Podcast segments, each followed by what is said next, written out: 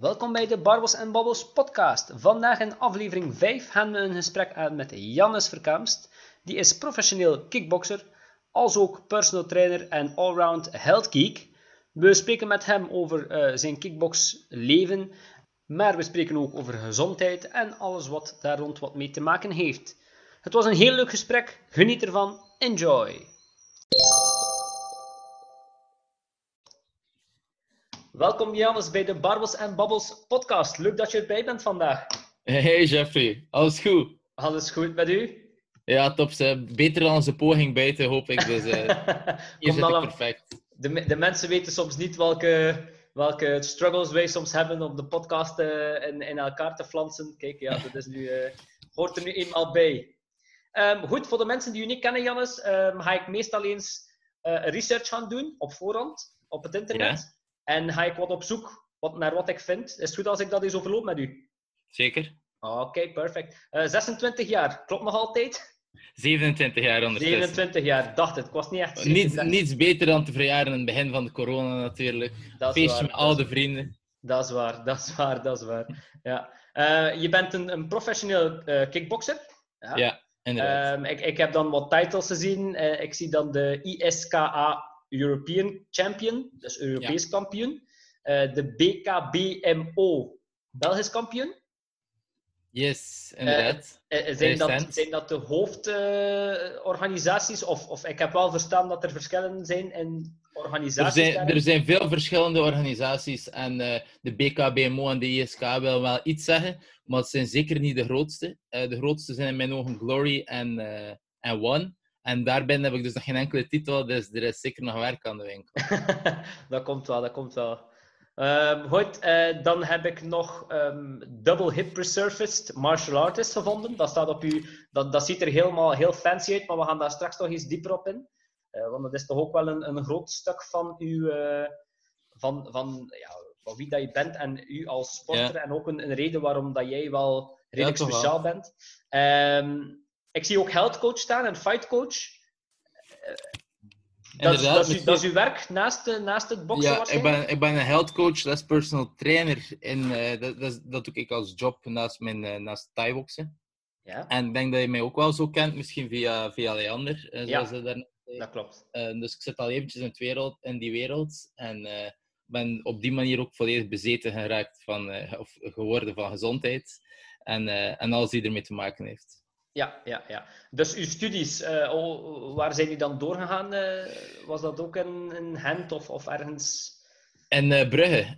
Ik ben afgestudeerd als bewegingsdeskundige in Brugge. Ja. Dat is, nu al, dat is nu al eventjes terug, maar dat is een opleiding gelijkaardig aan die van bewegingsrecreatie, als ik me niet vergis. En ik vond dat je daar nogal... Ik vond dat een goede opleiding, maar ik vond dat je... Um, nogal alles en niks zag. Je, kreeg een proevertje van veel verschillende dingen, maar het gaf je geen richting. Zo van, ah, ik ben afgestudeerd, dus nu word ik personal trainer. Dat was het zeker niet. Het was eerder door mijn stage dat ik die richting geduwd ben, maar niet door de opleiding. Dus, dus je hebt, heb je nog wat bij gaan studeren achteraf? Of, of zeg je van... Ja, eh, veel verschillende opleidingen. Ik denk dat je dat zelf ook wel weet, maar in, in, zeker in personal training en gezondheid en voeding verandert dat zodanig veel. Dus ik heb veel uh, verschillende extra opleidingen gedaan. Wat springt er mee bij? Institute of Motion heb ik nog gedaan. Ja. Um, via Derek Price. Derek Price. Yes. Um, um, Precision Nutrition heb ik ook gedaan. Voeding. Uh, het zijn er redelijk wat.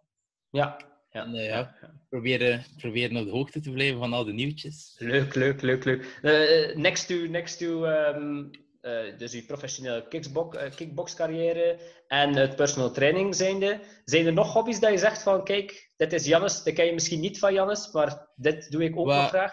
Maar ik ben vooral, zoals ik net zei, bezeten van gezondheid en voeding. Maar um, los van kickboksen zie ik mezelf eerder als een atleet in het algemeen. Ik, doe gewoon heel veel sport, van, morgens, van s ochtends tot s avonds. Um, ja, en also naar de Tim Ferriss kant toe van... Uh, hoe dat je een dag optimaal kunt beleven, dat, dat, is wel een echte passie van mij. Ja, ja, ja, ja. Goed, daar komen we ook straks later nog eens op terug.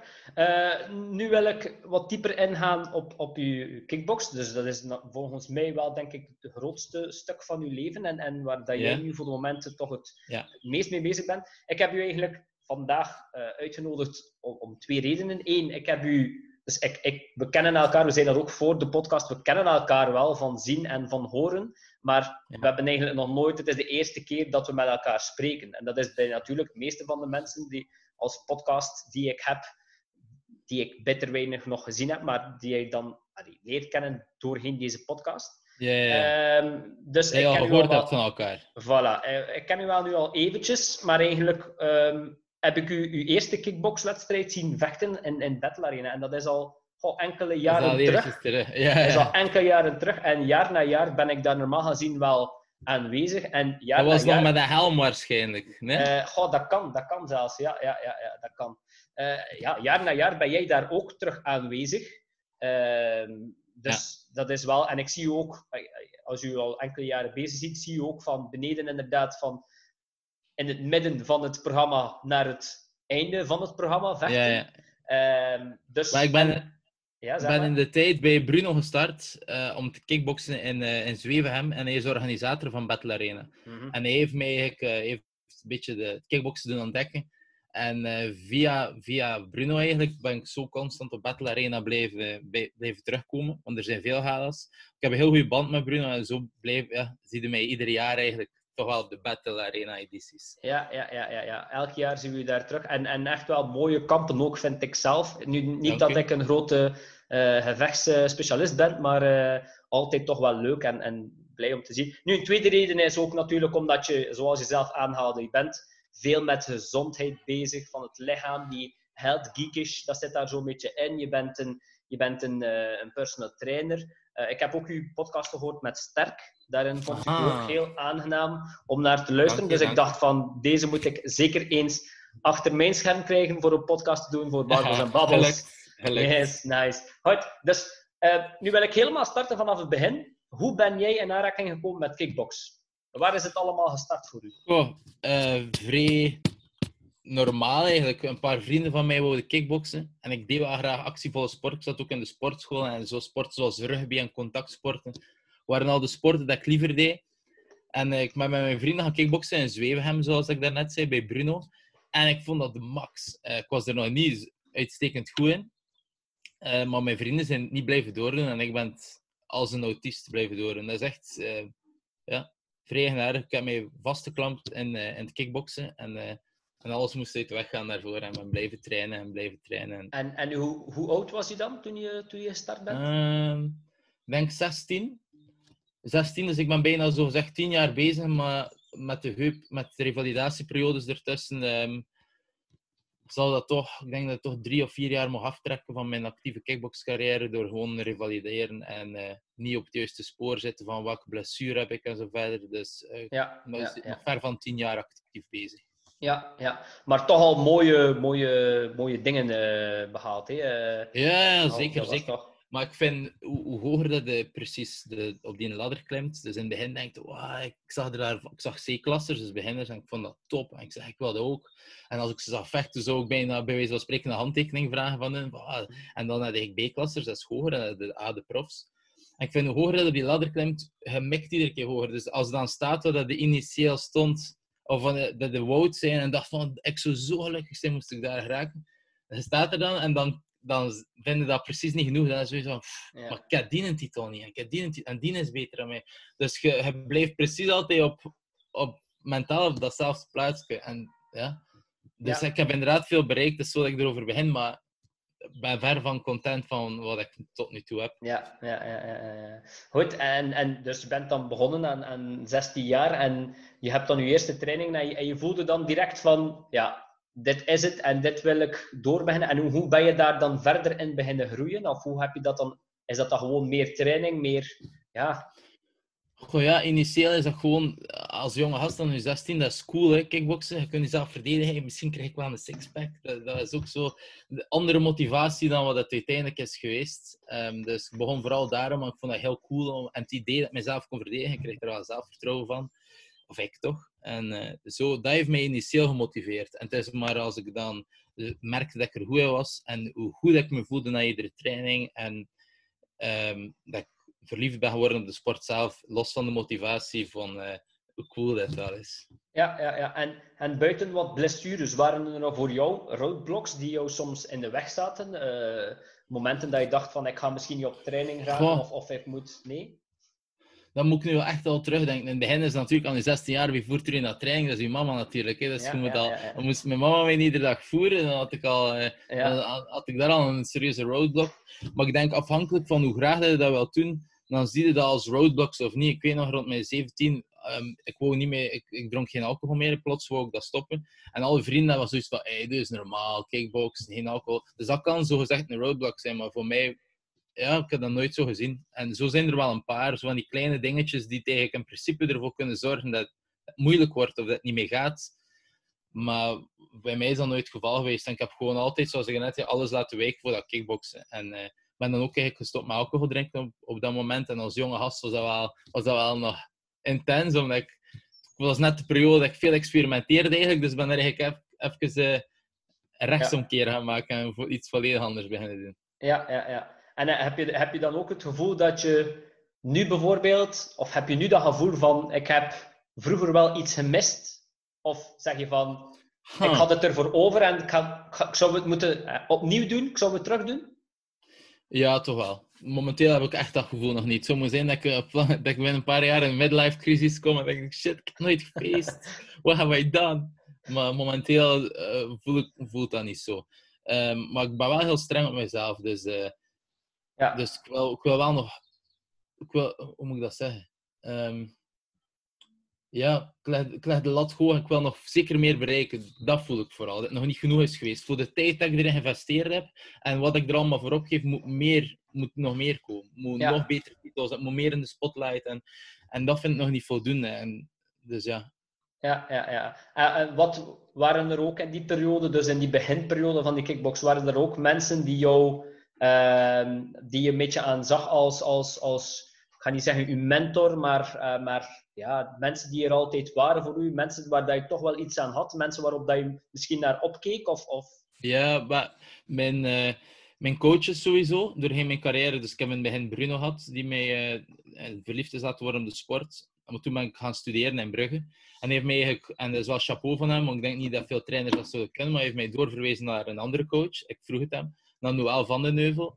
En dat is dan eigenlijk mijn mentor geworden. En, en zonder hem zou ik niet staan op dit moment in het kickboksen waar ik nu sta. Dus, eh, dus ja, eigenlijk mijn, mijn coach en eh, zeker mijn, mijn stiefpapa ook. eh, en een sportarts in Waregem trouwens. Misschien ken je hem, Dag van Elslanden. Hij heeft mij ook altijd gesteund in alles. Dus dat zijn mijn, dat zijn mijn twee mentoren. Ja, ja, ja. ja. Dag van Elsander zegt mij wel nog iets. Ik heb ook enkele klanten die hem kennen en, en die wel eh, bekend zijn met zijn naam. Dus ik heb er al wel iets van gehoord. Eh, ha- had je bijvoorbeeld ook personen dat je zegt van kijk, dat, dat zijn in de sport mensen waar dat je, dat je toen fel naar opkeek? Eh, Hmm, toen, toen was anders dan, dan nu. Ehm, waar ik keek toen eerder op naar de, die met de coole knockouts. En nu kijk ik eerder naar, op naar de die met de perfecte techniek. Toen keek ik ongelooflijk op naar ehm, Tyrone Spong. Ehm Alistair Overeem vond ik ook vrij cool. Dat was een tank in de tijd. dat, dat zijn twee Eh, tanks dat je nu direct aanhaalt, die, dat ik direct zie in, in bovenlichaam. Die mensen die daarmee in de ring stappen, die, die moeten een... Ja. Ja. Ja, die moeten gewoon uit de kant gaan. en Gokhan Saki. En dan nu recent eigenlijk, eh kijk ik op naar eh, een sparringpartner van mij, Youssef Shalouki. Ongelooflijk atleet. Ehm Marat Grigorian. ehm eh, Josh, Josh Jones. Ik moet zorgen dat ik zijn naam hier niet eh, verkracht, de uitspreking ervan. Maar ehm, dat is een glory-atleet. Dat zijn er een paar dat ik wel ongelooflijk naar opkijk. En ik vind eigenaardig, hoe meer dat ik kijk naar die filmpjes, hoe meer dat je ergens wel nabootst. Dus ik, ik heb de indruk dat je wel veel leert gewoon te kijken, zelfs als is het naar YouTube-filmpjes of whatever. Ik vind, eh, Ja, Dus- ja, ja, ja, ja. ja, naar die atleten kijk ik wel op. Ja, goed. Nu, eh, je bent in die periode, je bent eh, in die kickbox bezig en zoveel jaren later. ehm, nu zag ik, denk ik, vorig jaar kwam je terug in, in een kamp in Battle Arena, zodat je ieder, zoals je ieder jaar deed. Ik denk dat dat in, in Waregem was. Ben Ja, niet zeker. inderdaad. Ja, ja, dat was waar. Dat was de kamp in Waregem. Komt, na je, na je eh, kamp komt de speaker in de ring. En ik herinner mij ook dat er een dokter in die ring kwam. En toen dacht ik van... eh, wat- Mijn hupchirurg was ja, aanwezig. ja, ja. En, en dus ik wist niet dat jij een korte tijd daarvoor een dubbele heup resurfacing had laten doen. Dus ik denk dat de mensen wel willen weten wat een heup resurfacing is. En ik denk dat er niemand beter is dan, dan jou om dat uit te leggen. wel, misschien moet ik eerst zeggen, heuppijn had ik al van toen ik begon. Heel begin. Dus toen ik daar was als 16-jarige, de vele kicks dat ik gaf, de pijn dat ik had, dacht ik toen, ja, dat is gewoon tekort aan lenigheid, je moet stretchen. Ehm, dus toen had ik al ongelooflijk veel last van mijn heup. Maar dat werd eigenlijk erger en erger. En uh, een beetje de no pain, no gain mentaliteit heeft ervoor gezorgd dat ik, dat ik daar iets te veel heb doorgeduwd. Dan, of meer dan ik zou moeten gedaan hebben. En um, eerst ben ik bij een chirurg terechtgekomen die een foute diagnose heeft gedaan. Dus ik ben geopereerd geweest. Eerst de linkerkant, niet beide. Een, jaar en half, uh, een half jaar revalideren. De rechterkant een half jaar revalideren. Om dan te zien dat ik veel slechter was. Weer beginnen kickboksen. Ik was nog geen prof. Uh, met, na die operatie naar de prof-categorie beginnen klimmen. Met heel veel pijn en zonder kicks. Uh, low kicks beperkt. Front kicks heel veel, dat kon ik wel. Maar met mega veel pijn, iedere training. om dan plots bij een chirurg terecht te komen die mij zei, Anders, uh, uw heupen zijn altijd volledig stuk. Um, er is geen kraakbeen meer over en er is maar één optie. Dus hij zei dat zo tegen mij, ik zat bij hem, dus mijn mond viel open. Van, uh, je moet een, uh, twee prothesen krijgen. En resurfacing, het verschil is, ik ga dat proberen zo te schetsen, dat klinkt misschien grappig, maar dat is mijn, dat is mijn bovenbeen. Probeer het even in te beelden. Heupkop, heupkom. Bij de resurfacing komt er hier een laag over en over de kom ook. Um, en dat is de resurfacing. Dus een nieuwe laagje, gewoon een, een, nieuw, een, een nieuw surface. Bij een traditionele heupprothese gaan ze effectief je been afsnijden. En nieuw, een staaf insteken met een bol op. En ze krijgen bijna een nieuw bovenbeen samen met je nieuwe heup. En eh, dat was zijn specialiteit, die resurfacing. En hij zei tegen mij, dat is, dat is ongelooflijk. Hij gaat alles weer kunnen doen. Zelfs een beetje op het arrogante toe, dat mij afschrok. Van ja, hij gaat dat weer kunnen, hij gaat weer topsport kunnen doen. Alles gaat perfect zijn. Zo met een attitude dat ik dacht van, ja, uh, wat? Nieuwe heup, moet een prothese krijgen, daar in de eerste plaats. Plus, maar het is oké, met de prothese had alles kunnen doen. Het was alles, de kamer kwam zo precies op mij af. Het was, uh, dat was een bom informatie om te verwerken. Dus de resurfacing, um, om nog eens kort op uw vraag te antwoorden, is een, is een heupprothese, maar zo zo'n beetje de toekomst van de heupprothese zijn in vergelijking met de total hip replacement, hebben de resurfacing dus een, een klein laagje. En uh, dat is wat ik uiteindelijk gekregen heb. En dan is heel de revalidatie begonnen. En, en om nog even terug te gaan op die periode daarvoor. Dus je hebt altijd last gehad aan die heup. Je hebt altijd die... die maar toch ben je... You were able to climb all the way up. Naar, naar profs te kunnen, te kunnen gaan. Ja, weet je, na die operatie, je, valt gewoon terug in de routines dat je. En we zijn nog altijd verliefd op de passie dat. Dus ik ben gewoon weer beginnen trainen. Mijn low kicks waren nog slechter dan voordien. Uh, middle kicks en high kicks kon ik niet meer, wat ik ervoor wel kon. Uh, of de hoge trappen. Ik was niet meer lenig. Ik had iedere training pijn. Mijn onderrug en mijn knie begon pijn te doen. Ook door mijn, de beperkte mobiliteit en de heup die ik had. Um, waardoor dat de knie en de rug eigenlijk moesten gaan compenseren. En alles, alles is slechter geworden. Dat was uh, trouwens een, een impingement die ze zeiden dat ik had. Ze zeiden dat ik een heup impingement had. En uh, een camheup, dus te veel bot. En als ze dat gingen wegschaven, dan ging dat conflict niet meer bestaan. En dan ging ik zogezegd beter zijn. Maar dat heb ik dus gedaan. Um, maar ja, je gelooft dat de, de experts je vertellen natuurlijk. Hè. En dat was dus, blijkt absoluut niet wat ik had. En dat heeft ook niks geholpen. Dus uh, dat is ja. eigenlijk voor de resurfacing alles wat er gebeurd is. Waren er in die periodes dan wel dingen die je deed, bijvoorbeeld om, om je pijn toch wat te minderen, om, om, om toch iets van recovery van die pijn te hebben, om je lichaam toch wat rust te gunnen? Ja, zeker. Uren kine heb ik gedaan. Dat was initieel. Uiteindelijk ben ik, uh, zoals ik net zei, ik ben een freak in gezondheid, dus ik wist ook wel, of ik dacht te weten wat ik moest doen om pijn uh, te gaan wegnemen of te gaan uh, verhelpen. Dus ik nam heel veel kurkuma, visolie, uh, CBD op het van uh, CBD-olie op het einde van mijn ehm, van voordat ik geopereerd werd opnieuw. Sauna's, bijna dagelijks in de sauna stretchen, omdat ik de mobiliteit dat ik won in de sauna zorgde ervoor dat ik die dag iets minder pijn had. Dus ik ging, ging heel vaak in de sauna, tot absurde toe eigenlijk. Uh, cold showers, ijsbaden, opnieuw hetzelfde. Um, tot absurde toe heel veel. Uh, tot zelfs mediteren en zeggen tegen mezelf: Kom aan, die ontsteking, dat zit tussen nu twee oren, uh, het geen pijn, je kunt dat wel. En met al die dingen samen blijven kickboksen en toch uh, mijn Europese titel heb ik eigenlijk gehad. Grappig om te zeggen, met mijn oude heupen. Dus, ja. Ja, ja, ja. ja, hij haalt dat ook eventjes kort aan en dat is wel, dat is wel ook belangrijk. Maar het is een fysieke blessure, maar ook hoe dat je daar mentaal, dat moet wel al die tijd, al die pijn dat je eigenlijk voelt doorheen die trainingen die jou eigenlijk wat tegenhoudt, moet mentaal toch ook wel zijn tol vragen. Dat je zegt van, ah, kijk, ik heb nu weer een training gehad, ik heb nu weer heel tijd pijn gehad, dan moet op den duur moet je toch jezelf ook telkens weer de, stukjes oppikken. ja, ja, dat is, dat, is, is niet leuk. Dat is echt niet leuk. En, uh, uh, maar je bleef je optrekken aan de dingen en je bleef, de pijn negeren en je bleef je optrekken aan hetgene wat het er wel lukt. En zo heb ik dat eigenlijk... Ja, zo ben ik dat blijven doen. En, maar ik, iedere training dat er veel kicks waren, of ja, combinatie is links, rechts, rechts en low kick, uitstappen. Uitstappen deed zelfs pijn. Ik dacht aan mezelf, saai, niet leuk die training, niet leuk. Gewoon omdat ik wist, om duur de pijn aan training en, en ja, het is niet motiverend. En het is wel grappig dat dat vraagt dan nu na de operatie, het feit dat je geen pijn meer hebt, dat, pakt, dat maakt zoveel energie vrij gewoon doordat je nooit meer pijn hebt. Je beseft niet op het moment dat, dat, dat je die pijn hebt, maar nadien, ja, dat zuigt, dat zuigt energie. Ja, ja, ja, ja. En dan heb je die operatie, natuurlijk heb je die operatie achter de rug. En moet je beginnen naar de revalidatie. Eh, hoe ga je daar dan mee om? Je, je bent ook zelf een beetje uh, into health en je zit, je zit ook zelf, je kent je lichaam heel goed. Uh, hoe, hoe ben jij dan aan de slag gegaan met die revalidatie?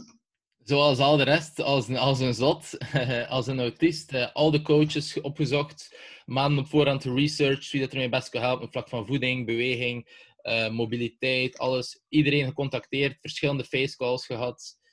Um, en notities gemaakt van iedereen. Een overzicht van oké, voeding moet ik zo, zo, zo aanpakken, dat moet ik zo, zo, zo aanpakken. Ehm, en al de zaken waarvan ik, overtuigd was dat het best was, voor mij. Maar ik denk wel dat ik alles redelijk goed kan kaderen doordat ik al zo lang in gezondheid zit. Dat ik een beetje de bullshit met, met de juiste informatie kon scheiden van elkaar. En dan aan de slag gegaan. Hè. Al van op voorhand zorgen dat ik een beetje afviel. Dat, er minder gewicht op mijn heupen moest komen. Um, voeding perfect doen. Um, van de meest crazy tools uh, die vibrerend werken voor de doorbloeding te stimuleren als ik in dat ziekenhuisbed lig, tot whatever. Ik heb ja, eh, tot uh, red light therapie, dat ik dan op, de, op het litteken van mijn, van mijn bil kon zetten. Alles, alles gedaan. Maar die, die revalidatie ging op zich wel redelijk goed, of niet? Ja. De revalidatie ging, ging goed, ja. De revalidatie ging goed. Natuurlijk heb ik niet zoveel referentie om te vergelijken buiten de vorige operatie, die gewoon heel veel pijn deed. Dus in vergelijking met die operatie was dat heel goed. En misschien wel belangrijk om te zeggen, maar het was niet één heup en dan een andere heup, maar het was twee heupen in één keer. Dus uh, ik kon effectief wel eerst een kleine maand niet, niet echt gaan. Dus ik kreeg zo'n voorproevertje wat het is als de heel oud zit. Heel afhankelijk. Uh, echt niet mobiel. Dus ja, maar alles aan de slag gegaan. En los van als het mij echt fysiek geholpen heeft, ik ben ervan overtuigd van wel. Maar ook gewoon mentaal. Ik ook een, een, dagboek bij. Dat ik, dacht, mijn energie die ik niet kwijt van, van al dat sport, kan ik een beetje kanaliseren. Misschien als ik schrijf. Ik gaf, uh, gaf scores over hoe ik mij voelde, over mijn pijn, mijn mobiliteit. En dan zag ik dat vooruit gaan natuurlijk, want je herstelt.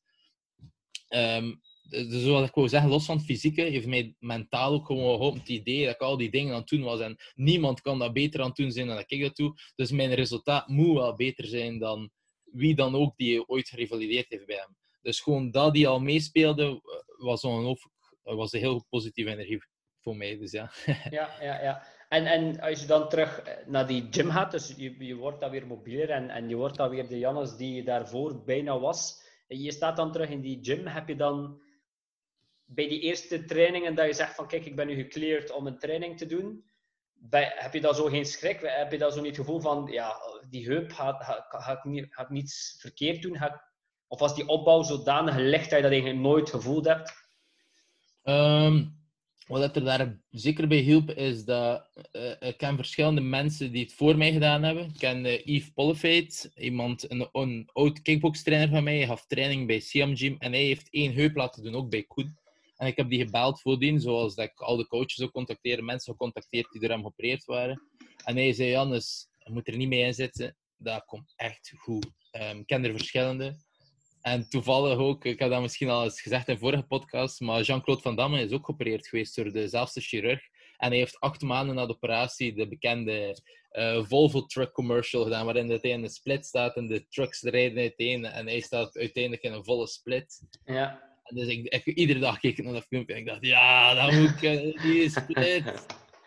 um, Maar dus... Sorry, ik ben de vraag vergeten. Ja. de vraag was ik aan het beantwoorden? Al- Als je geen schrik had, of als je, geen, eh, als je, geen, als je niet dacht van ga ik iets verkeerd doen, of, of tijdens je eerste trainingen?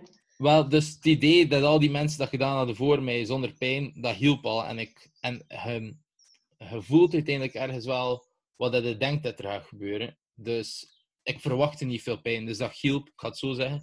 Maar ik was wel voorzichtig. En eh, ik werkte heel voorzichtig aan heupex- heupextensie, ehm, de mobiliteit in mijn heup terug en stilletjes aan aftasten. Alhoewel dat mijn kine gaat zeggen dat ik dat ver van stilletjes aan heb gedaan, maar voor mij was dat stilletjes aan. Ehm, dus ik ben niet zo bang geweest onderweg, maar ik heb wel...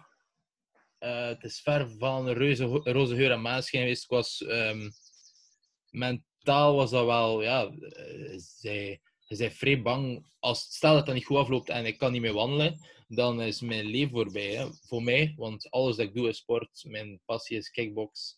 Ehm, dus dat was wel heel griezelig, dat ik dacht. En, en ik kon van niemand echt aannemen dat dat beter ging worden, totdat ik het zelf ervaren. Dus dat was wel een heel creepy periode. Een redelijk emotioneel periode, los van eh, hoe cool dat ik het nu allemaal vertel. Ja. Ehm, dus ik heb wel, ben angstig geweest. Ja, eigenlijk wel. Terwijl ik op de vraag aan het beantwoorden ben, ehm, ben ik het zo aan het heroproepen. En misschien toch wel angstig geweest, ja. Ja, ja, ja. Nu, eh, is dit iets dat je zegt van ik ga dit altijd kunnen achter, voor altijd kunnen achterbij laten? Dat- Of is dat iets die je zegt van de rest van mijn carrière zal ik hier toch aandacht moeten aan geven? Of de rest van mijn carrière zal ik dat toch wel herinneren als een... Aan een de, de heup ja, ja die, Wel, die blessure op zich. Ik had veel minder aandacht moeten geven dan voor de operatie al sinds. Want toen was het dat dweilen met de kraan open voor ontsteking weg te houden en toch heel veel pijn te hebben in iedere training. En tot op heden, knock on wood, hout vasthouden, ben ik pijnvrij. Super mobiel. Ik lijk zelfs mobieler dan veel van de andere prof-kickboxers die ik tegenkom. Ehm so I'm cheating, actually. maar dus, ja. Nee. Dus, ik ben vrij, ben vrij content momenteel. Super, super. Dus, Dus, eh, nu, ja. nu, nu, ben je, nu laat je dat allemaal achter u en ben ik ook wel een keer benieuwd van eh, voor deze corona-lockdown natuurlijk, want nu zitten we in een hele andere wereld, kind of eh, ja, wereld waarin dat we heel weinig, weinig hebben. Maar hoe zag, hoe zag een dag in jouw leven of, of enkele dagen in jouw leven eruit, gewoon in general, voor deze Wel, corona? Wel, normaal sta ik op. ehm wilde dat ik een detail beschrijf of de grote lijnen? Ga de grote lijnen gewoon dat we weten van, Oké, stop. Ik doe, ik doe een cardio-workout 's ochtends, nuchter, met de reden dat, ehm, dat al moest ik een intervaltraining 's ochtends doen, zou mijn prestatie daaronder lijden, of nuchter toch, al sinds bij mij. Dus ochtends doe ik een uur tot twee uur cardio. Ehm, ik breek mij vast als ik een tweede training heb na mijn eerste workout. Dus dat is meestal rond 11, 12 uur, dan, dan ontbijt ik dus. Ehm, dan train ik een hoop klanten. En dan heb ik mijn tweede training, een uur en een half kickbox. En eh, daartussen, ik doe meestal een drietal maaltijden per dag. Dus ik breek me vast na de eerste workout, dan nog iets. En dan na, de, na mijn avondtraining eet ik dus weer een maaltijd. Dus ja, mijn gemiddelde dag bij mij is eigenlijk... s ochtends een training, s avonds een training. Twee eh, hoop klanten ertussen. En terug in bed kruipen, leven als een pater. Ja, ja. En, en naar wedstrijden toe, verstrengt dat regime dan? Of, of blijft dat er zo hetzelfde aanhouden? Of... het verstrengt in de zin dat eh, eh, alles wordt competitiever alleszins. Ehm, de stukjes wanneer dat, ik, dat niet mijn dag zou zijn en dat ik mezelf zou laten wegkomen, maar het is oké. Alles, de, moet ik dat zeggen, de, het is gewoon constant intens. Het is constant keihard eh, gefocust. En doordat die focus er is, ehm, zijn er precies ook minder momenten dat het niet voelt. Het moet gewoon. En je weet een tegenstander, je kent je tegenstander bijvoorbeeld, en die deadline komt dichter. En dus de intensiteit gaat gewoon sterk omhoog. En het aantal trainingen ook. Maar ja, wat ik daar wel bij moet zeggen, en dat is zeker in het kickboksen of sporten met gewichtsklassen, is je dieet wordt ook strenger. Dus dat is wel, dat is wel een zure appel dat je minder mocht eten terwijl dat de intensiteit van de trainingen omhoog gaat. Dat is wel lastig. Het minder mogen eten om je gewichtsklasse te halen? Ja, Of, zeker. zeker. Maar ik ben meestal vrij fit. Is niet om voor gezondheid voor mij, maar eerder voor in die gewichtsklasse te staan die net iets onder mijn natuurlijk gewicht is. Ehm, En food is life. En dat is misschien nee, wat ik heb gelogen net. Eten is mijn grootste hobby. Dus, eh, dus Ja. dat valt dan plots weg. En dat is soms wel moeilijk. Ik denk dat dat moeilijker is voor mijn vriendin dan voor mij. ja, ja, ja. ja. Uh, hoe noemen ze dat? Hangry? Ja, very, very hangry person. Dus. Um, en, en, dus je gaat dan naar dat principe van je moet je gewichtsklasse halen. Je gaat je voeding gaan, gaan, gaan op een laag pitje zetten. Uh, weet, jij jouw, weet jij jouw beste gewichtsklasse? Of varieert dat altijd? Want daar ben ik ook wel eens benieuwd naar. Zeg jij altijd van ik ga in die gewichtsklasse vechten? Of zeggen nu trainers van, kijk, er is een gevecht in die gewichtsklasse, je moet dat proberen te halen, want ik, ik ken bijvoorbeeld ook wel wat, wat, wat kickboxers, als zij moeten naar een bepaalde gewichtsklasse gaan, vind ik gewoon één, ze, hebben, ze zien er minder goed uit, en twee, naar, naar power toe is, dacht ik dan van, is die beter dat je gewichtsklasse hoger gaat? Of, of hoe zit dat juist zo'n beetje in elkaar? Well, ik, ik, een populaire gewichtsklasse is min 70. En daar komt er heel wat talent op af, want dat is ook een vrij gemiddeld gewicht. Uh, heel veel mensen wegen rond dat gewicht. Dus, uh, en in heel veel organisaties is dat ook wel een populaire categorie. Dus voor mij is het eigenlijk ideaal voor op min 70 te vechten. Ik wil niet, ik, rol, ik loop rond op, op 76, 77. Ik wil echt niet op 78, op 80 vechten. Want dan komen er tegen kerels die hetzelfde denken wat ik doe bij het 70. Dus die zijn een kop groter dan mij, die zijn breder dan mij, die hebben langere armen dan mij. Dus dat zijn allemaal dingen die gewoon in mijn nadeel spelen. En, los van um, heel. Um, los van echt een, een winnaarsmentaliteit hebben, het is misschien gewoon niet zo slim en zo verstandig van die gewichtscategorie te vechten.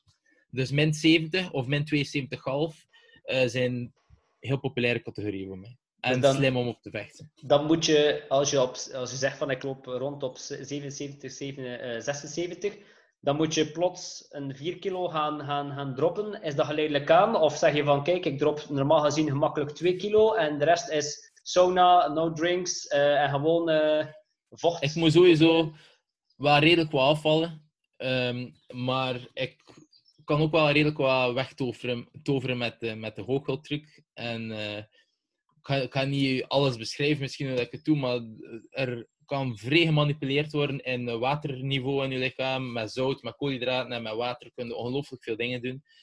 Uh, zelfs los van sauna, dat je echt uh, makkelijk tot 4 kilo kunt afkrijgen. En dat je top zit en dat je niet met zweetpakken moet rondhuppelen in sauna's en zo verder. Um, dus opnieuw, ik ben een freak in gezondheid, dus ik heb misschien dat stapje voor, dat ik exact weet hoe dat ik dat moet aanpakken, om dan toch dat gewicht te behalen. Maar ik heb, gewicht is nog niet vaak een probleem geweest voor mij, terwijl ik er soms al boven sta. Vroeger minder. Na de operatie heb ik het iets moeilijker gehad met gewicht. Maar ik, eh, dat klinkt misschien raar. Ik heb de indruk dat nu tijdens de coronaperiode ik dat wel daar mijn ritme en mijn dieet wel aan terugvinden ben. Dus wie weet, na de corona sta ik weer lager en uh, hadden we weer een scherp zien. Nice, nice, nice. Goed. Nu, we zijn in, eh, je hebt die training voor achter de rug en, en dan ga je geleidelijk aan naar die kamp toe. En dan is het plots, um, laten we zeggen, game day in, in Battle Arena of, of in een grotere organisatie. De dag van de kamp zelf, hoe beleef jij dan die dag? Is dat dan een dag waarin dat je stresst of een dag waarin dat je juist super chill bent? Of, of... Ik, ik heb toch altijd wel wat stress. Um, probeer mezelf vooral in posities te brengen, um, à la visualisatie dan, dat ik alles overloop en dat ik het ervaar als iets die chill is en oké en de opwarming gaat goed. En ik probeer zelfs um, mij in plaats te bevinden dat de opwarming niet goed gaat, maar dat ik wel zeg tegen mezelf, weet het maakt niet uit, de wedstrijd gaat goed zijn. Voor moest de opwarming niet top zijn, dat ik daar niet op een keer Ik overloop dat allemaal. Uh, maar ik heb wel redelijk wat stress. Ik ga vooral precies door periodes van... En dat kan op, op een half uur zijn. Hè, dat ik zo zeg van... Oké, ik zit volledig zitten. Dat wordt de max. En dan denk je... Shit, ja, ik ga toch... Het is een ring dat ik ga kruipen straks. Hè. En hij goed gehydrateerd. En ik ga, dat gaat precies zo, die laatste dag bij mij. En om eigenlijk het meeste stress te hebben, zolang dat ik thuis ben. En vanaf dat ik in de, in de arena ben of in de zaal... En hoe dichter het de wedstrijd komt, hoe meer het dat weggaat. Precies alsof ik zoiets heb van... Ja, weet je gaat gebeuren, hè. je zit er klaar voor. En op het moment dat de opwarming begint, is die stress bijna volledig weg. Of denk ik niet meer. En een keer dat ik in de ring sta, is dat gewoon uh, volle focus. En, ja. Uh, dus ja, de, de, stress neemt af hoe dichter het de wedstrijd komt. Ja, want eh, dat is ook iets, en dat vraag ik mij altijd af. Ik zit daar meestal op die wedstrijden, om, omdat ik graag zie en ik ben uh, spectator, maar ik vind toch altijd. Ja, je moet toch kunnen ergens een, een switch, of je moet toch ergens een switch afdraaien in je hoofd, dat je zegt van, kijk, ik ga nu in de ring kruipen met iemand. We hebben beide hetzelfde doel, dat is elkaar, en niet zeggen verrot slaan, maar elkaar... De, de kop inslaan. Bij wijze van spreken, hè, maar op een, op een mooiere, uh, respectvollere manier misschien. Want Ja, ja, ja. wel- ga ik straks nog eens We gaan, op, maar- we gaan dansen samen, dat gaan we doen. Ja, ja, ja, wel. Maar dat, dat, dat is toch... In je hoofd moet je toch een klik maken en zeggen van oké, het kan hier perfect zijn dat ik hier eh, een kamp ten onder ga en dat ik hier eh, straks moet weggevoerd worden met, eh, met de ambulance, Ja. bij wijze van spreken. Hoe, hoe gebeurt dat? Is dat een klik dat jij maakt of zeg je gewoon van... Ja, nee, dat is, echt wel, dat is echt wel een klik die ik maak. Dus ehm, op een bepaald moment focus ik me zodanig op, ja, een beetje op, komt zodanig naar het hier en nu. Mijn trainer fokt mij niet echt op, maar ehm, brengt mij volledig in de zone. Wij warmen op samen en, en een keer dat in die ring staat, zit gewoon klaar om, eh, ik wil niet zeggen om te sterven, maar om alles te geven. Gewoon, gewoon alles te geven. En ehm, ik sta niet veel stil bij het feit dat ik kan neergaan. Ik weet dat dat kan gebeuren, maar het is niet echt dat ik overloop van, oh nee, ik ga neergaan en mijn schone tanden. En daar sta ik niet echt bij stil. Dat is eerder mijn mama misschien of mijn vriendin, maar ehm, en dat heb ik niet. Dus ja, dat is toch een bepaald, een bepaald patroon dat ik iedere wedstrijd doorga. Dus mijn muziek spelen, begin wat te schaduwboksen. Eerst ga ik wel op in de muziek, dan gaat de muziek weg. Ehm, en begin mij te focussen. Ehm luister naar mijn coach. En ik heb dat al zodanig veel gedaan, dat patroontje en patroontje en opnieuw. Dat iedere keer als dat begint, zeg ik zo van... Oké, het is hier, het is hier vandaag. Het is dat moment. Probeer ervan te genieten. Super, super. En Ja. we gotta talk about it. Ik heb u gezegd voor de, voor de, voor de podcast dat ik het ook ging op, eh, ophalen. Laatste Battle Arena dat we, dat we gezien hebben.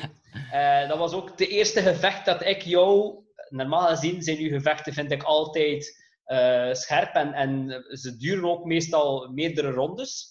Nu, het laatste gevecht dat ik jou heb zien vechten, dacht ik na de eerste ronde, of dacht ik na één minuut in de eerste ronde van dit wordt eh, de ondergang van eh Jannes, de eerste kamp Ja. dat ik jou zie verliezen. Eh, Nu heb je daar toch nog op een of andere manier, ik weet niet hoe dat je het gedaan hebt, om het vol te houden, die eerste ronde. Ehm, maar je hebt dan de tweede ronde een klik gemaakt. Dat was echt wel impressionant voor te zien. Ja, want je bent daar overklast, eh, kind of, in een manier, als ik dat mag Ja, zeggen ja. wel. Mocht dat Eh, zeker zeggen. Ja, eh, ben je daar overklast plots en, en moet je daar incasseren en, en zie je jezelf daar wat wegslinken. slinken. en om dan die tweede ronde aan te pakken en het gevecht toch weer recht te trekken en dan nog naar uw voordeel te trekken, ja, tell us about it. Wel, wacht, ben... zit er hapering op? Nee, staat weer oké zeker. Perfect.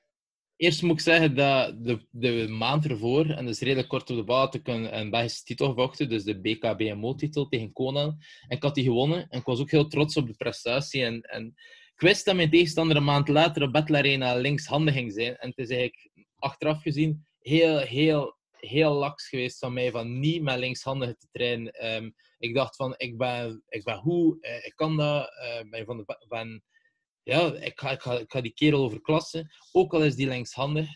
En dat is zo onprofessioneel geweest van mij, want ik heb echt serieus, letterlijk op mijn bak gekregen. Ehm, door, die reden. Ehm, iemand die linkshandig is, voor de mensen die dat niet weten, in het kickboksen, alles komt omgekeerd, want wow, 90% van de mensen, ik weet dat niet van buiten, is rechtshandig. Dus iedereen is gewoon van mijn rechtshandige te trainen.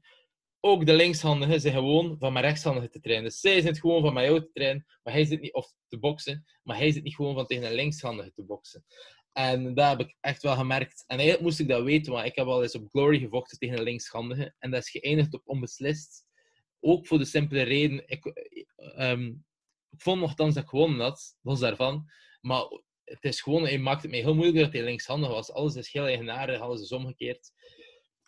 Dus eh, nu was dat eigenlijk hetzelfde. Dus ik dacht in de eerste ronde, ik ging neer en ik kende de, de jury. Dat was trouwens de broer van die Youssef Chalouki, dat ik daar net over sprak. Mijn sparringpartner. En ik zei tegen hem, half al draaiend, van... "Pff, ziet er niet goed uit, is. Het is niet goed. En hij zei, ja, anders het oké. Ik zei, ja, ik ga doordoen. En ehm, dan heb ik die klik gemaakt. Die klik die ik normaal maak in de kleedkamer, wat ik daar net over sprak. Ehm, soms gebeurt dat niet. Soms gebeurt dat niet. En eh, als zo'n moment gebeurt, dan maak ik wel mijn klik. En dan valt alles plots in plaats. En dat is wat je gebeuren hebt eh, na wat er gebeurd is na de eerste ronde.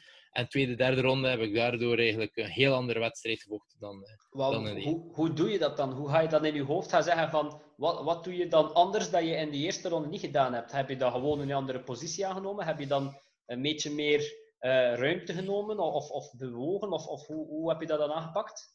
Bij mij is dat precies vooral tussen mijn twee oren. Ik stap naar die ringen en ik, heb, ik schets een bepaald ehm, een bepaalde situatie van het is zo en zo en oké en ik kan dat. En ik ga er waarschijnlijk gestaan hebben met een idee dat dat veel rustiger ging starten dan het gebeurd is. Ik was dus niet goed wakker, eh, ik was niet alert.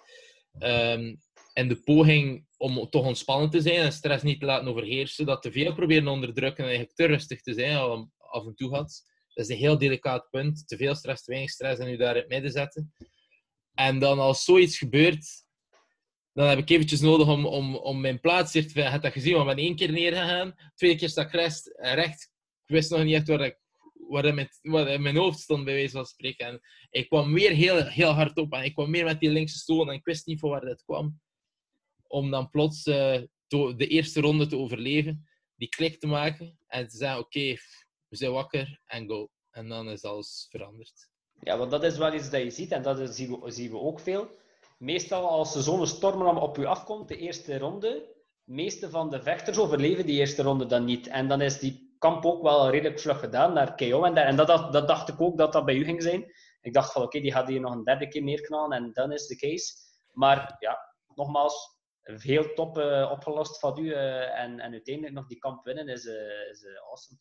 Ja, ja dank u wel. wel het was wel grappig, want op de beelden zag je ook de, de, de mensen die het aan het filmen waren, maar aan het zeggen, toen ik neerging, hoorden ze zeggen van ja, ja, ja, het is gedaan. Hij zegt als een West-Vlaming, het is gedaan, godverdikke, het is gedaan. En dan eigenlijk in de tweede ronde zei die krak hetzelfde over de andere persoon. Ja, ja, ja, het is gedaan, Jannes heeft hem. Dus dat is, eh, dat is wel cool om te zien. Awesome, awesome, yes. Eh, nu gaan we nog even door op. ehm, eh, dus je bent ook personal trainer en, en zoals we in het begin van de podcast gezegd hebben, ook gezondheidsfreak. En, en ehm, nu had ik graag eens weten, als jij aan een persoon of, of wat jij toevoegt of wat jij met je eigen klanten doet, als jij drie gezondheidstips zou mogen geven, of misschien biohacks, of iets dat je zegt van kijk, probeer deze drie eh, punten te doen. Eh, en en dat, dat wordt je leven, dat ga je gezonder gaan leven. En, en wat, wat zouden die dan zijn? Dat hangt ongelooflijk af van hoe intens dat die persoon al met gezondheid bezig is en waarop dat kan verder bouwen. Iemand die al weet van keto en zo verder, ga ik veel dieper in opgaan dan iemand die van de basics nog niet af weet. Maar dus de drie tips die ik zou geven, nu, om het niet te ingewikkeld te maken. Een paar zijn cliché en hebben er veel mensen misschien al gehoord. Maar nummer één is, en die is misschien het meest cliché van al, is eet minder suiker. En heel veel mensen hebben zoiets van, ja, weet dat weten we al ondertussen. Ja, maar mensen hebben echt geen besef via wat ze allemaal suiker binnenkrijgen. Bijvoorbeeld fruit. Ehm, als je heel veel fruit eet, heb echt een bom aan suiker binnen. Dus ehm, voor de mensen met diabetes en voor de mensen die het nog niet hebben en hopelijk nooit krijgen, dat kan ook echt wel te veel suiker zijn. Zeker als het gaan juicen, zeker als je de healthy smoothies gaat gaan maken. is gewoon cola, bij wijze van spreken, voor, je lichaam. Dus één zou ik zeggen, ehm, mensen eten veel te veel suiker. Twee is, ehm, en dat is eentje die mensen precies niet weten, is vermijd de, de bewerkte zaadolie. Ik weet niet of je daar zelf al veel van gehoord hebt, maar Ik heb daar iets Dus- van over passeren op Instagram nou. ja, ja, omdat ik zag advies van de Wereldgezondheidsorganisatie. En dat is wat de organisatie die iedereen al ziet van, dat is, op dat moet terugvallen, op hun advies, als je iets wil weten over gezondheid. En bij het wel te eten raden ze aan zonnebloemolie, koolzaadolie, eh raapzaadolie en zo verder. Wat de mensen niet weten is dat dat ten eerste een heel sterk bewerkte omega-6-olie is. Om maar te zeggen, omega-3, zoals iedereen kent, visolie, ontstekingsremmend. Omega-6, ontstekingsbevorderend. Dus dat bevordert ontsteking. Dat is niet per se slecht, maar de balans daarin is heel belangrijk. En dan gezien dat iedereen al veel te veel omega-6 eet en er plots een omega-6-olie op dagelijkse basis gaat opkappen, dan gaat dat echt... En iedereen, ontsteking is al een heel groot probleem bij veel mensen. Dus iedereen moet dat gewoon mijden. En los van die omega-6-reden is het proces om olie te ontginnen uit die zaden zodanig sterk bewerkt en chemisch proces dat dat gewoon de grootste rommel is. Ik vermijd die olie als de pest, maar dat zit overal in. Dat zit echt overal in chipjes en koekjes, koekjes. Zelfs als het van de biowinkel is en staat op organic uh, zonnebloemolie of whatever. Het is krak hetzelfde. Dat is echt, je moet dat vermijden. En er is daar ongelooflijk veel uh, verwarring rond. In. Wat, wat, wat raad je dan de mensen wel aan? Wat, moeten dan, wat zou je dan zeggen van doe dit, doe dat? Of? Op vetten die al, al jaren bestaan en al jaren aanwezig zijn. Um, kokosvet is een goed voorbeeld. Boter, gewoon een echte boter, geen vervangboter. Margarine is weer eigenlijk koolzaad en zonnebloem. Uh, ghee is eigenlijk weer boter, geklaarde boter. Uh, olijfolie, um, um, avocadoolie. Die olie zijn gewoon van het beste en zijn puur. En um, is geen, moet, moet geen proces plaatsvinden om eigenlijk olie te ontginnen uit die, uit die producten. Dus dat zou tip nummer twee zijn. Ik weet niet als u zelf daar al vrij verdiept had in die, in die uh, ik, ik, um, ik herken, want ik, ik weet... Dus puntje 1 herken ik, want ik ben nu voor het moment bezig met de 4-Hour Body. En ik van heb Tim net, Ferriss. Van Tim Ferriss. Ik heb net dat stuk af waarin dat hij zegt van kijk, dit zijn mijn tips naar eten toe, waarin dat jij een gezonder lichaam gaat krijgen. Spreekt eigenlijk ook een beetje tegen, zoals je zegt van ja, fruit is gezond en fruit is goed, maar fruit bevat ook suiker. En daar denk ik dan ook van wel terug van, ja oké, eet geen suikers, snap ik wel, maar vele mensen die daar niet van af weten, gaan inderdaad naar het principe van, ik ga gezond gaan eten, dus ik ga s'morgens een stuk fruit gaan eten, smiddags uh, een kiwi en s'avonds ga ik nog een appelsien eten. Ja, dat, dat is een beetje, en daar denk ik dan van, inderdaad, snap ik wel jouw punt, en denk ik van misschien een balans zoeken daartussen. dat je zegt van kijk, ik eet s'morgens een banaan of, uh, en, dan voor de rest van de dag niet meer. En de dag daarna eet ik geen fruit. Wat dat ook een keer niet slecht is. Hè? Nee, het is dat. Hmm. Maar wat ik ging zeggen is, fruit is een perfect voorbeeld ook. Eet een appel en heb een oké okay, hoeveelheid suiker binnen. Maar eet, drink een, een, glas appelsap en heb misschien suiker van zes appels binnen. Dat is, dat is weer een concentraat van iets die gewoon extreem wordt. En bij het... Uh, bij de zonnebloemolie bijvoorbeeld, om dat daar aan te linken, dat is kracht zelfs. De mensen gaan vragen, maar zijn zonnebloempitjes dan ook slecht? Nee, omega-6 is niet per se slecht, maar gewoon een extreem ervan. Echt een olie op een heel chemische manier. Extreem veel omega-6. Dat is gewoon volledig fout. Dat is niet te vergelijken met als je enkele zonnebloempitjes opeet. Dat is totaal niet vergeleken, los van het feit dat er dan nog een keer zo'n chemisch proces bij komt. Dus, ik zeg altijd van, blijf zo dicht mogelijk bij de oorsprong van je product. En als je een appelsien eet, eet hem met de vezels dat je erbij neemt. Want als je hem uitperst, dan zijn die vezels weg. Die vezels liggen in het, in het bakje dat je pakt en dat je toef, toef, toef in de, in de, in de vuilbak doet. Dus het enige wat dan nog overblijft, zijn de suikers, de fructose van je, van uw, van uw fruit eigenlijk. Ja, nu heb je nog nummer drie. Ja, en misschien voor veel mensen ook cliché, maar zeker mijn nummer 1. Eigenlijk komt op nummer 3, maar mijn favoriet, want ik doe hem dagelijks. En dat is um, experimenteert, zelfs als er geen fan mee zit, experimenteert ermee met een vorm van vasten. Dus um, dat is niet van um, je moet drie dagen niet eten, maar eerder van het vak waarbinnen je eet maakt gewoon iets kleiner, waardoor het de rust dat je darmen krijgen op dagelijkse basis iets groter is. En daarmee kun je echt wonderen doen. Mijn meest productieve periode is in dat stukje waarin ik nog niet aan het eten ben van de dag. En, um, en experimenteer daar vrij mee, omdat een lichaam stelt zich ongelooflijk af op, op gewoontes. Dus als je een ontbijt gewoon zit, is dat initieel heel zwaar om te beginnen vasten. Maar als je daarmee experimenteert, ga je echt een, een systeem vinden die die ongelooflijk goed bij voelt. En door gewoon minder te eten op een dag. Op minder lang te eten op een dag. Dat kan ik ook wel, uh, want dat is de boek dat ik ervoor gelezen had. Dat was die van de, de vaste methode van Dr. Ludidi. Ja, inderdaad. Uh, die heb ik ook al eens gevraagd voor de podcast, maar die stuurde mij een leuk berichtje terug, een voiceberichtje zo van hey, uh, ik kan er niet zijn, want ik krijg dagelijks aanvragen van de podcast, maar wel leuk dat je yeah, vraagt. En welke topgast? Um, en, en ja, vasten doe ik nu ook al een tijdje. Ik kan ook wel zeggen, dat lukt niet altijd top zoals het moet lukken, maar inderdaad, het, ja, je, je leert je lichaam gewoon anders te gaan eten. Dat is al de eerste ding dat ik daar ja. zou van zeggen. En dat is ook wel hetgeen dat jij voelt, denk ik. Van, ik, heb, ik sta niet op morgens en heb het gevoel dat ik nog wil of moet eten. Ja? Nee, inderdaad. inderdaad. Je, eet, en... je eet wanneer dat je honger hebt, kind of. En, en ik, en... ik hou mij wel strikt aan de, aan de tijdspannen. Maar eigenlijk kan je daar ook een beetje in floaten, kind of. Ja, zeker. En je leert een verschil merken tussen uh, honger en hoesting. En eh, gewoon de discipline van als de honger krijgt, of hoesting krijgt, s ochtends, maar het is nog niet je tijd om te eten. De discipline van dan even te rekken, dat is iets dat veel mensen beter hoe in zouden worden. Want mensen eten over het algemeen gewoon veel te veel, hebben geen controle meer daarover, weten ook niet als ze honger hebben, als ze hoesting hebben. En dus iedereen zou ik aanraden om daarmee te experimenteren en dat eigenlijk in een gewoontes te steken, want dat zal sowieso opleveren in betere gezondheid. En, en ik denk dat Of je een betere gezondheid volgt. opleveren.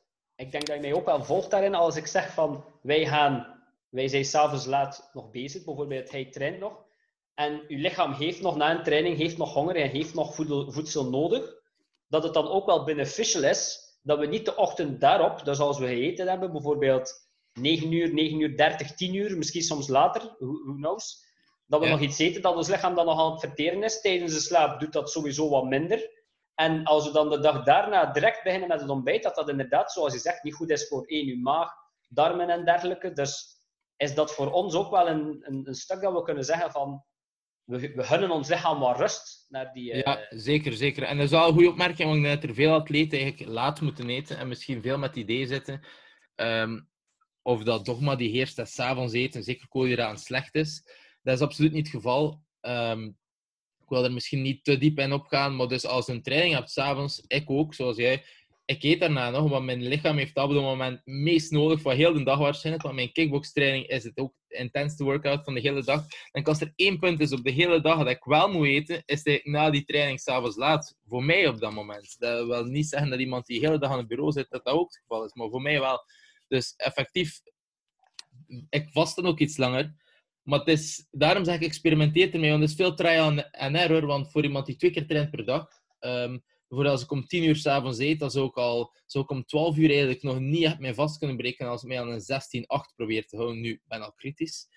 Ehm, maar ik heb gemerkt als ik twee trainingen doe op een dag, dat ik, dat ik na mijn eerste training breek ik mij vast meestal. Dus ik vast iets minder lang dan de gemiddelde of de gekende 16-8. Dus waarin de 16 uur niet eet en dan 8 uur wel. Gewoon doordat ik twee keer train per dag en dat ik wel een bepaalde ehm, energie nodig heb om, om te kunnen presteren. Maar stel dat ik de hele dag neerzit of veel minder zou doen, dan zou ik langer kunnen vasten. En ik ga waarschijnlijk vroeger eet, avondeten en langer vasten in de namiddag, want ik heb er ook minder nood aan. Ja. Ehm, dus ja, dat is voor iedereen anders. Dus. Ik, Ja. denk, ik denk dat dit onderwerp gewoon een podcast op zichzelf kan zijn eigenlijk. Ja, we, gaan, we gaan zeker. er gewoon een, een, een, een sluit aan geven en, en zeggen van try it if you can en, en voel de effecten ervan. Want zoals jij zegt en, en ik ook wel voel, eh, dus ze zijn zeker aanwezig. Ehm, We we zijn op het einde gekomen bijna van, van de podcast, eh, Jannes. En ik eindig de podcast altijd met bullet questions. Ja? Dat principe Yes. ga je misschien ook wel een beetje kennen. Dat zijn wat vlugge vragen. Ze verwachten een vlug antwoord. Je mag, we gaan er natuurlijk ook wel, als ik het interessant vind, eens, op ingaan. Ik wil niet zeggen dat ik het anders niet interessant vind, hè, maar ehm, we zien wel hoe of wat. Ben je er klaar Gewoon voor? korte antwoorden. Korte Kort antwoord. Je zult wel zien, die vragen, die vragen gaan vragen niet meer. Ready, ready. Goed, ready? Dus, Yes. de eerste. Eh, Wat is jouw go-to music? Of mag eventueel podcast zijn tijdens het lopen of het trainen? Eh, Joe Rogan of Foo Fighters. Ja. ja, Joe Rogan, de podcast van Joe Rogan? Zeker. Ja, ja. Ehm, als je denkt aan het woord succesvol, wie is dan de eerste persoon die jou te binnen schiet? Hmm. Dat vind ik moeilijk. Dat ik heel moeilijk. Dat is, eh, dat is een, harde bullet question voor mij. Mm. Dat moet Kan niet in, in de vechtwereld zijn, hè. dat mag perfect in, Nee, nee, eh, natuurlijk niet. Het is daarmee dat ik kan denken, wat is succes uiteindelijk? Is dat gelukkig zijn? Is dat een grote zaak hebben? Is dat to- een topsporter zijn? Eh, Ja. Mag ik passen op een vraag? Je mag passen op een vraag. Kijk, pas. Ik schiet u direct een andere, no problem. Eh, wat is iets waar jij in gelooft dat anderen misschien crazy zullen vinden? Hard one again. Hmm. Ja, hard on again. Maar ehm, ik geloof er misschien niet in, maar ik fantaseer er wel over graag eens over de theo- theorie van Elon Musk dat alles een computerspel is. Oeh, daar, eh, daar fantaseer ik graag over. En niet dat ik er intens in geloof, maar ik vind het een leuk idee om over na te denken. Ik had, eh, ik had over laatst eh, een podcast, nu leuk dat je daarover over babbelt. Ik had over laatst een podcast geluisterd van ehm, ehm, goh, Dave Asprey. Eh, Dave. Asprey, ken jij? Ja. Ehm, en hij had een gesprek gehad met, eh, niet Dalai Lama, maar de, goh, een of andere boeddhist. dus een heel hoge boeddhist. En die zei ook van, kijk, de wereld waarin dat je zit, je lichaam waarin dat je zit, is het lichaam dat jij denkt dat het is, maar eigenlijk ben je gewoon een leeg vessel. In een, in een wereld van... Dat is een beetje hetzelfde, denk ik, waarin dat jij naar, naar die Ja, richting gaat gaan. loopt, loopt er zo wel langs natuurlijk. Eh, Ik heb de- inderdaad al verschillende theorieën gehoord. Ehm Dalai Lama of wie dat ook was, hebben er ook hun theorieën over. Maar die van Elon Musk vind ik, vind ik vrij cool. Ik, ik ben ergens wel spiritueel, maar ik toets dat graag af met wetenschap of dingen die ik meer kan, kan vatten. Anders begint dat te veel woe-woe te klinken in mijn gedachten. Ja. En als Elon Musk zoiets zegt en er zijn een theorie bij heeft, dan is dat zo van mij, oké, fair enough. Die gast, eh, daar volg ik hem misschien wel in. Ja, ja, ja, ja, ja super. Ehm, goed, next one. Eh, misschien ook een clichévraag, maar wat is eh, een boek of documentaire of film die jij aanraadt voor de mensen, of die jij aanziet als een heft voor iedereen? Een boek, ik ga proberen tussen mijn boeken te denken, ik heb er een hoop. Ik ga gewoon Tools of Titans van Tim Ferriss zijn, omdat eh, het is een boek en ieder hoofdstukje is eigenlijk een persoon en een persoon die al zijn tips geeft over, ehm, over hoe dat hij in het leven staat en wat dat hij, hoe dat hij thrived, om het zo te zeggen. Dus je hebt een boek vol en als je die dat boek openslaat, zit op een pagina met een persoon en hij heeft zijn tips. Dus het is een ideaal boek om ook aan het toilet te leggen en eigenlijk iedere dag iets bij te leren. Ja, ja, ja. Heb je nog documentaires of films dat je zegt van... eh, Eh, zeker en vast niet ehm, de documentaire van recent, hoe noemt hij weer? Kan er. The Game Changers, zeker Ah. niet. Verschrikkelijk. Ehm, nee, ehm, niet direct een documentaire, maar misschien wel een persoon om te volgen. Ik vind eh, Paul Saladino of Carnivore MD vind ik heel interessant. Heel slimme gast. Kan heel goed spreken. Dat is echt wel een kerel om in de gaten te houden.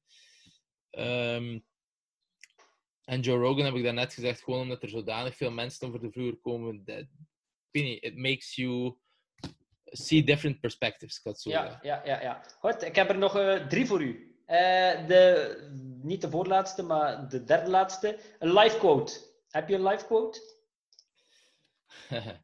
een life quote. Een life quote. En een life quote. Of iets dat je zegt van, dit, dit ziet mij. Als de mensen dat zeggen, dit is Jannes, dit is... ah, ik, ik, ik zou mezelf... Ik zou willen dat mensen mij zien als een positief en energiek persoon. Dat vind ik wel vreselijk eigenschap. En ik denk dat ik ook wel zo in elkaar zit. Dus eh, moest iemand mij zo beschrijven, zou ik dat heel, heel leuk vinden. Awesome, awesome. Goed, eh, dat is ook een leuke. Eh, welke aankoop van eh 100 euro of minder heeft jouw leven positief beïnvloed in het laatste jaar of twee jaar? Een aankoop van 100 euro of minder. Een Ferris question, het zalige vraag. Maar los van de clichés en boeken, ik zou boeken zeggen, maar ik ga dat niet doen. Ik zou ook niet eh koptelefoons of zeggen, maar eigenlijk een aankoop samen met mijn vriendin is de kat Lenny. En ik was niet, zo, niet echt een cat person, maar de- ik zag hoe zot dat zij ervan was. Dus die kat eh, is voor minder dan 100 euro. Het is een asielkatje eigenlijk wel eh, de beste koop van mijn leven geweest voor minder dan 100 euro. Nice. Dus Super. nu ben, ik nu ben ik officially een cat person geworden. Ja, ja, nu ondertussen heb je ook punten gescoord bij je vriendin, als ze dit Ja. zal horen. Ja, ja, zeker. Eh, nu de laatste vraag, en dat is de vraag die ik altijd stel op het einde van, van, van de podcast. Wat is voor jou nu het meest waardevol tijdens deze tijden van corona? Dus in de tijd dat we nu zitten, wat vind jij het meest waardevol? Het meest waardevol voor mij is gewoon dat, dat het niet stil zit en dat je de tijd gebruikt. Misschien om met de personen dat er vast zit, om, om een extra band te vormen en, en zo in elkaar te haken. Ik denk dat iedereen zoals een kleine community heeft bij hen thuis ondertussen. Eh, maar je zit zodanig lang vast. Ja, deze periode misschien gebruiken om gewoon een betere band te krijgen met de persoon dat je sowieso al mee samenleeft. Want je zit zo in een unieke situatie dat je gewoon constant bij elkaar zit. Ik denk dat je dat zeker kan gebruiken om eigenlijk je relatie naar een ander niveau te brengen. Met ouders of vriendinnen of vrienden, whatever. Dus eh, dat vind ik wel belangrijk. En Dat met mijn vrienden ook. Dat is mooi om mee te eindigen, denk ik. Eh, de max, de max, de max. Goed, ik, ik wil u alvast bedanken voor eh, de heel leuke podcast. Het was heel aangenaam. Het is ook heel vlot. Eh, dus de- ja, het is alvast leuk om iemand zoals u ook eens achter de podcast en ook eens de, de kickbox, ik ga niet zeggen een community, maar de sportkickbox eens in, in, het, in het groot licht te kunnen brengen. Want Ja, Representing kickboxing. That's it, that's it, that's it. Perfect. Goed. We see each other again soon. Yes, oké, Jeffrey. Bye bye.